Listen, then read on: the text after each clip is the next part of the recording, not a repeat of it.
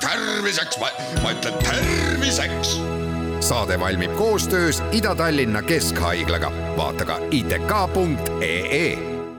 tere, head Kuku kuulajad, eetris on saade Terviseks ja me räägime täna vaimsest tervisest ning anname ka nõu, kuidas märgata depressioonis inimest. mina olen Ingela Virkus ja koos minuga on stuudios Ida-Tallinna Keskhaigla kliiniline psühholoog Inna-Naaro Taimsaare, tere! tere! Kümnendal oktoobril tähistatakse ülemaailmset vaimse tervise päeva, mis on pühendatud vaimse tervise probleemide ennetamisele, et milline on teie hinnangul eestlaste vaimne tervis? kui ma nüüd vaatan seda tervist kui praktikuna, et eestlaste vaimne tervis on üldiselt äh, läinud nende viimase viie aastaga ikkagi teatud mõttes kehvemaks. kuna meil on olnud siin palju kriise, meil on majanduskriis, meil oli äh, Covidi kriis ja nüüd tuginedes Tervise Arengu Instituudi ja Tartu Ülikooli uuringule, mis viidi läbi aastal kaks tuhat kakskümmend kuni kaks tuhat kakskümmend kaks, võin ma siis öelda, et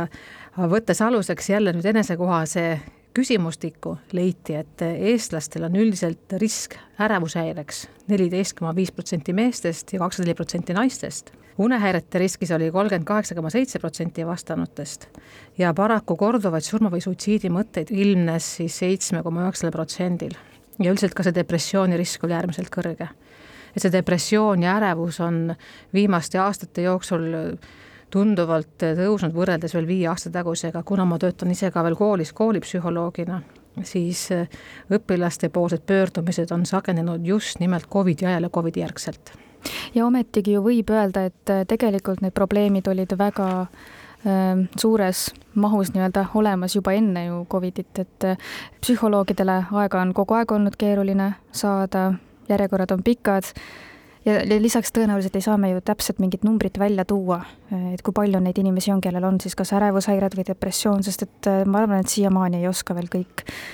selliste murede korral abi otsida no tõenäoliselt on inimeste teadlikkus ikkagi väga palju tõusnud just oma vaimse tervise jälgimise poolest. et inimesed julgevad rohkem pöörduda. kui ma nüüd ütleksin, kas on nüüd äh, nii-öelda erasektoris pöördumiste arv tõusnud, jah, tõenäoliselt on tõusnud küll, aga kuna ma töötan ka haiglas, siis ma peaks mainima, et minu onkopatsientide klientuur ei ole niivõrd tõusnud, kuid on läinud nooremaks ja ikkagi seda ärevuse, depressiooni on äh, seal ka vägagi palju millised on need levinumad vaimse tervise probleemid, millega siis on näiteks teie juurde jõutud, et te, te mainisite üldiselt näiteks ärevust ja depressiooni, aga te tegelete ju väga palju nende patsientidega, kellel on vähk, vähidiagnoos. et ähm, millised on need, nende hirmud ja mõtted ja tunded? no kuna minu ampluaa on olnud viimased kümme aastat ikkagi surm, lein ja vähihaigused, siis nii erasektoris kui ka haiglas pöörduvad patsientide lähedased ja inimesed siis noh, valdavalt ikkagi leina, leinanõustamisega, siis eh, surma ka teatud mõttes suitsiidimõtetega on tulnud minu juurde. nii et eh, paraku see surm, lein ja vähihaigused ei ole mitte kuskile kadunud, see oli enne meid, on praegu ja jätkub ka tulevikus depressioon iseenesest juba, sõltumata sellest, kas inimesel on sealjuures näiteks siis ka vähihaigus, et depressioon ise võib minna nii tõsiseks, et inimene ei soovi enam elada, et enesetapp on noorte seas ka number üks surmapõhjus, mis peaks meid kõiki ikkagi päris korralikult mõtlema panema, et miks see võib nii olla siis? noh, siin ma võtan endale väikese vabaduse ja ja toon välja selle, et depressioon tegelikult ei ole mitte surma põhjus, vaid need põhjused on kuskil algselt, depressioon on meil juba tagajärg ja need inimesed siis, kes äh, nii-öelda satuvad sellesse väga raskesse depressiooni, millele järgnebki siis nii-öelda distress nii suures mahus, et enam ei jaksatagi elada. ja tegelikult on tehtud ka uuringute järgi kindlaks, et inimesed ei taha niivõrd äh, surra, kuivõrd nad tahavad leida väljapääsu sellest olukorrast, mis neid on nii kaugele viinud mulle tundub, et sageli ongi ühiskonna arvamus või selline suhtumine depressioonis inimestesse, kes äh, on võtnud siis otsuseks äh, enda piinad lõpetada, äh, nad ongi, kuidagi suhtuvad sellesse, et see on natuke selline egoistlik, et kuidas sa oma lähedastele nii teed, aga tegelikult see on ju viimane asi, mida inimene tahaks teha, aga ta lihtsalt on selleni viidud, sest et see kõik ongi nii raske. no kuna suitsiidijuhud kahjuks on siin jälle viimaste aastate jooksul tõusnud, ma toon nüüd välja mõne sellise statistilise näite, et aastat kaks tuhat kakskümmend peetakse nüüd jälle siis mustaks statistikaks suitsiidi suhtes, kus siis võttis endalt elu kakssada kümme inimest. Eelmisel sajandil oli siis nii-öelda selleks suitsiidisurmade mustaks aastaks tuhat üheksasada üheksakümmend neli, kus võttis endalt elu kuussada neliteist inimest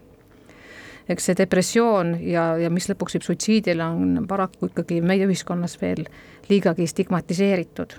leitakse, et depressioonis inimene, ta võib olla natukene laisk ja ta ei viitsi ja ta ei taha, aga kui inimene lihtsalt ei jaksa jõuda, ei jaksa jaksata,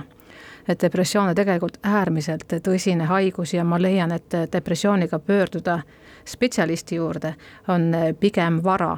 kui hilja kuigi kui pöördutakse juba liiga hilja, ma ei oskaks öelda, kas see liiga hilja on liiga hilja, aga kui inimene tunneb, et enam kuidagi ei saa, siis ikkagi soovitaks pöörduda vaimse tervise spetsialisti poole aga teinekord ei tehta seda ka siis, et mõeldakse, et võib-olla lihtsalt on selline sügismasendus või kevadmasendus, et kuidas saaks sealjuures olla siis lähedane toeks ja märgata seda depressioonis inimest, et hästi tihti on olnud ju pärast suitsiide Äh, lähedased ütlevad, et oi, aga ma üldse ei saanud aru, et tal oli probleeme, ta ju naeratas, ta oli lõbus, talle tundus, et kõik on nagu hästi, tal on pere, tal on kodu, et mis siis sai valesti minna, et miks ma seda hetke ei märganud? kui inimesed elavad päev-päevalt üksteise kõrval, siis nad tegelikult ei pruugigi märgata neid muutusi. Muutus, mis toimub nii-öelda samm-sammult ehk millimeeter millimeeter haaval, seda lähedased ei märka, seda märkavad tavaliselt inimesed väljaspool pereringi tänapäeval kahjuks räägitakse järjest rohkem sellisest depressioonitüübist nagu naeratav depressioon. kliinilise diagnoosiga seda ei ole võimalik määratleda, aga üldiselt siin Olivia Remensi järgi siis on võetud naeratav depressioon nagu võrdväärseks atüüpilise depressiooniga, et kui siis inimest iseloomustab ülitundlikkus, muutunud meeleolud liigne söömine, liigne magamine. Ja samas need atüüpilise depressioonis inimesed võivad väga hästi varjata oma sümptomaatikat, mis on siis nii-öelda alanenud meeleolu või, või siis noh, elujõu kadumine. et nad püüavad oma loomuse nii-öelda peita naeratuse maski taha ja siis ühel hetkel, kui juhtubki see kõige hullem, siis laiutatakse käsi ja öeldakse, et aga talle oli ju kõik hästi aga seal peaks olema ju ikkagi mingisugused sellised sümptomid, mis viitaks, et mida lähedane võiks kindlasti märgata või ei ole? No ütleme, et depressioonis inimene, elujõu kadumine on kõigepealt, et need tegevused, mis pakkusid varem rõõmu, enam ei paku mingisugust naudingut, inimesed tegelikult äh, püüavad sulguda endasse, üldiselt ei taheta toast välja minna, äh, nii-öelda välditakse varem äh, selliseid inimesi, kes olid näiteks nagu sõbrad, just see nii-öelda irdumine, omaette hoidmine, kui see on nagu drastiline muutus, siis peaks sellele kindlasti tähelepanu pöörama kas äh, on ka mingi selline inimtüüp või äh, mingisuguse taustaga inimesed, kellel on suurem soodumus äh, depressiooni ja ärevushäirete tekkeks? nii-öelda statistilised andmed näitavad seda, et on kaks elukutset kes on siis depressioonile ja ka tegelikult läbipõlemisele kõige aldimad, on õpetajad ja meditsiinitöötajad. ja kui me räägime otseselt suitsiidiriskist, siis ma kutsuksin sinna oma kolleege, meditsiinitöötajaid ikkagi üles oma vaimset tervist rohkem jälgima. Et paraku kõige suurem läbipõlemisoht ongi meditsiiniõdedel ja tegelikult onkoloogidel ja onkoloogia valdkonnas töötavatel inimestel meditsiinis. samuti on äh, nii-öelda mehed paraku nii-öelda ka meie vaimse tervise poolest see nõrgem pool, kuna neil, neid, neid on kasvatatud ühiskondlikus mõttes olemaks tugevad, sellepärast et et mehed ei nuta, mehed ei palu abi, siin on ka, nendel on kõrgem depressiooni ja ka suitsiidirisk. Ja vanemal vanuserühm on näiteks kaheksakümmend viis protsenti ja rohkem, et siin statistika andmetel võib olla see isegi kuni kakskümmend protsenti ühiskonnast. Ja suitsiidikatseid on esinenud just viimastel aastatel palju ka viieteist kuni üheksateistkümne aastaste noorte hulgas. et paraku on ka nii-öelda, mida noorem, seda haavatavam. Aga miks ikkagi depressioon tekib või ärevushäired, et millest need kõik alguse saavad, et kusagil peab olema mingi põhjus? Üldiselt ähm, kõik saab alguse sellisest äh, kenast äh, asjast nagu stress, mis on meil nii-öelda halb kui ka hea stress. ja halb stress tegelikult tähendab seda, et inimene ei kontrolli olukorda kui meil kaob olukorra üle kontroll ja me ei suuda leida enda käesolevatele probleemidele lahendusi, eh, siis eh,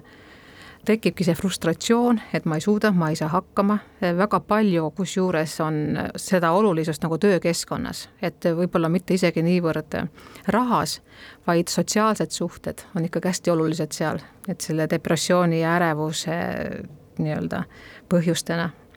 sest no tööl kardetakse läbipõlemist, kodus ei olda piisavalt head. et see pidev eneseületamine ka tegelikult on see, mis inimest läbi põletab. kahjuks tänapäeva inimene, mul on tunne, et ta sõidab sidur-pidur kaasa, on kogu aeg põhjas peavad olema piisav, sa pead olema kõige parem, targem, ilusam, rikkam, kindlasti sul peavad olema teatud väärtused ja standardid. ja samas unustatakse ära tegelikult iseenda jõuvarud. me püüame hüpata väga palju üle oma varju.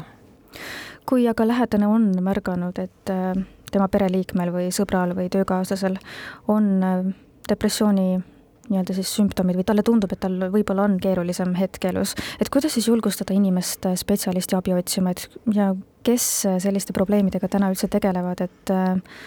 meil on ju vaimse tervise õde, psühholoog, psühhiaater, kliiniline psühholoog, äh, terapeudid, et äh, mis on nende valdkonnad või kuidas sealt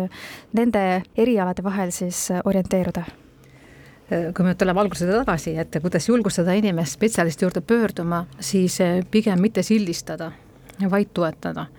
Äh, õnneks seda sildistamist on äh, viimastel aastatel ikkagi järjest vähemaks jäänud. me käime ju juuksuris ja kosmeetikul ja meil on hambaarst, siis mõnikord on tegelikult äh, ka vaja inimest, kes seda hinge puhastada aitab. Missugused vaimse tervise spetsialiste on olnud, üldiselt kliiniline psühholoog on ikkagi see spetsialist, kes siis tegeleb nimelt psüühika ja psüühikahäirete hindamise, diagnostika ja raviga. psühholoogid on need nii-öelda esmataseme nõustajad meil on olemas veel siis vaimne tervise õde, kes siis konsulteerib patsienti ja tema lähedasi, noh, erinevate vaimse tervise probleemide teemal, lähtudes siis sellest ikkagi pigem nagu füsioloogilisest meditsiinist. ja noh, psühhoterapeudid ehk teraapia on siis meetod, kus siis äh, psühholoogid ja kliinilised psühholoogid siis nii-öelda hakkavad seda probleemi nii-öelda teatud meetodite ja käitumuslikke meetmeid rakendades nagu kasutama. Need on spetsiaalsed tehnikad üldiselt, et päris igaüks selle, selle tehnikaga nagu hakkama ei saa, et see vajab ikkagi kindlat väljaõpet ja, ja kindlat kvalifikatsiooni. me jätkame oma vestlust juba homme kell neliteist nelikümmend viis.